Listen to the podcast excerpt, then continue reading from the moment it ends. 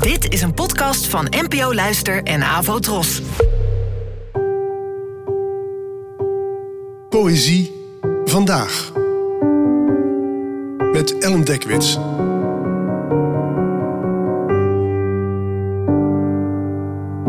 Hallo, fijn dat je luistert. Het gedicht van vandaag heet In je slaap word je een continent en werd geschreven door de Nicaraguaanse Amerikaanse dichter Francisco Aragon, geboren in 1968. Het werd vertaald door mij en dit keer zou ik graag vooraf iets vertellen.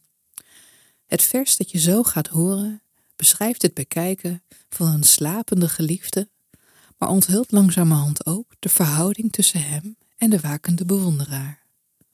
Tot hoeveel toewijding, maar ook opoffering de liefde in staat is.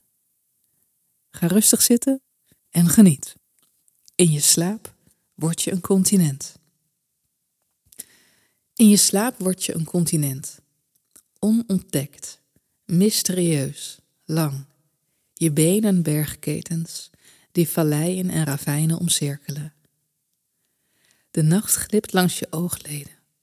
Je adem is het slingeren van de zee, uitdijend over het bed als een aangespoelde dolfijn je mond is de mond van een tevreden vulkaan.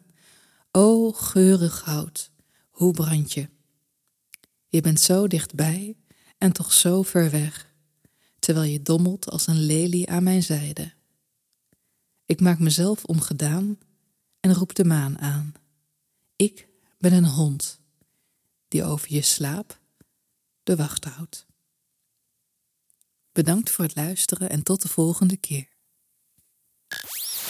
Abonneer je op deze podcast via de gratis app van NPO Luister. Daar vind je ook een handig overzicht van het complete podcastaanbod van de NPO. Afro Tros, de omroep voor ons.